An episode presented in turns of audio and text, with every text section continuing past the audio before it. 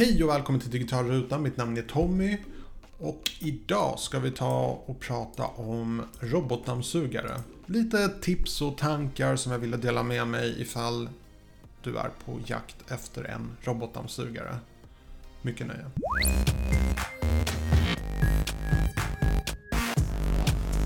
Jag och min fru vi köpte en Neato D3 eh, när vi skulle köpa Eh, en robotdammsugare så hade, vi, hade jag i alla fall studerat marknaden och jag kom fram till att det finns två märken att lita på.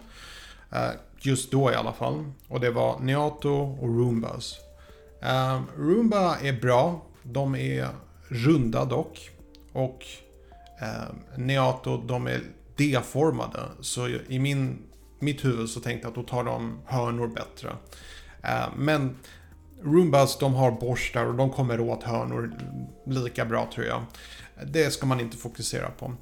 Ehm, det finns så många modeller idag att jag tänker inte rekommendera ett visst märke eller um, en viss modell ens. Jag tror inte det är lika viktigt ehm, som vad den faktiskt har.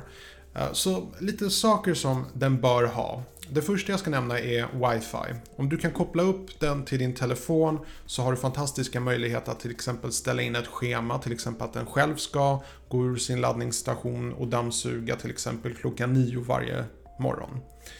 Eh, den ska också ha möjligheten att kunna ladda sig själv, det vill säga att om batteriet tar slut så går den tillbaka till laddstationen, laddar upp och sen åker iväg igen. Har den den möjligheten så spelar det ingen roll om du köper ett flaggskepp eller en billig modell med litet batteri. Har den möjligheten att helt enkelt åka tillbaka och ladda upp sig själv så kan den ha hur litet batteri som helst. Eh, jag skulle även rekommendera att den har möjligheten att sätta in HEPA-filter, speciellt om ni har eh, husdjur eller är allergiker. HEPA-filter gör väldigt stor skillnad. De tar verkligen de här minsta partiklarna. Eh, så det är definitivt att rekommendera. Uh, slutligen ett tips är att skaffa en robotdammsugare som kan gå på höga mattor. Uh, vår Neato den klarar av mattor, uh, den klarar inte av riktigt sladdriga mattor. Men tjocka mattor klarar den av mycket bra. Återigen, om ni är intresserad av just den jag använder så är det Neato D3. Den säljs fortfarande men det finns antagligen bättre modeller idag. Eh, och sen ett supertips till oavsett vilken robotdammsugare ni köper. Och det här gäller även för den absolut billigaste om ni hittar någon billig för 500 eller om ni köper ett flaggskepp. Det bästa tipset jag kan ge er, det är det här. Optimera ytan. Optimera inredningen så att den helt enkelt funkar för robotdammsugaren. Jag tror att när vi först köpte robotdammsugaren så var vi väldigt missnöjda för vi, vi vi tyckte att den fastnade överallt och den kom inte åt överallt och vi tänkte vad är det här för bortkastade pengar? Den kan ju inte göra någonting. Men sen när vi började liksom anpassa inredningen och inse att den här apparaten har begränsningar, precis vad som helst eller vem som helst, så måste vi helt enkelt anpassa den, en slags handikappanpassning för robotdammsugare. Är ni med? Uh, den inte åt under bordet för att stolar eh, är i vägen Flytta på stolarna eller köp en annan typ av eh, stolar eller ha ett större, bredare bord. Eh, kommer den inte upp på en viss matta, byt ut mattan. Um, vill ni att den ska gå in i ett badkar som är lite högre upp, köp en ramp till. Uh, försöker den äta upp uh, gardinerna som vår till exempel älskar att äta upp gardiner. Uh, korta ner gardinerna, ha kortare gardiner eller fäst dem vid någonting.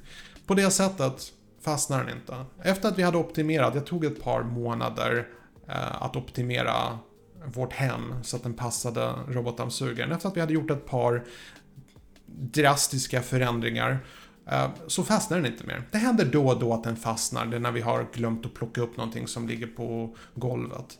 Eh, men det är det bästa tipset. Nu är vi supernöjda med den.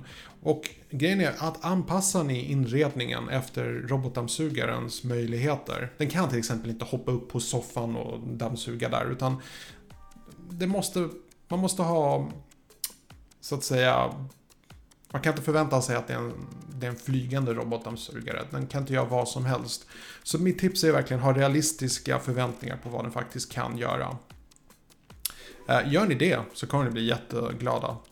Och optimerar ni ytan så att den kommer åt överallt utan problem så kommer inte den åka runt. Alltså robotdammsugare, de, de har liksom ett mål. De ska ta varje del av ytan. Och kommer den inte åt, då kommer den försöka hitta en väg in till den ytan. Och det här är också någonting som drar på batteriet, vilket gör att den kommer behöva åka fram och tillbaka mellan laddstationen och resten av städningen.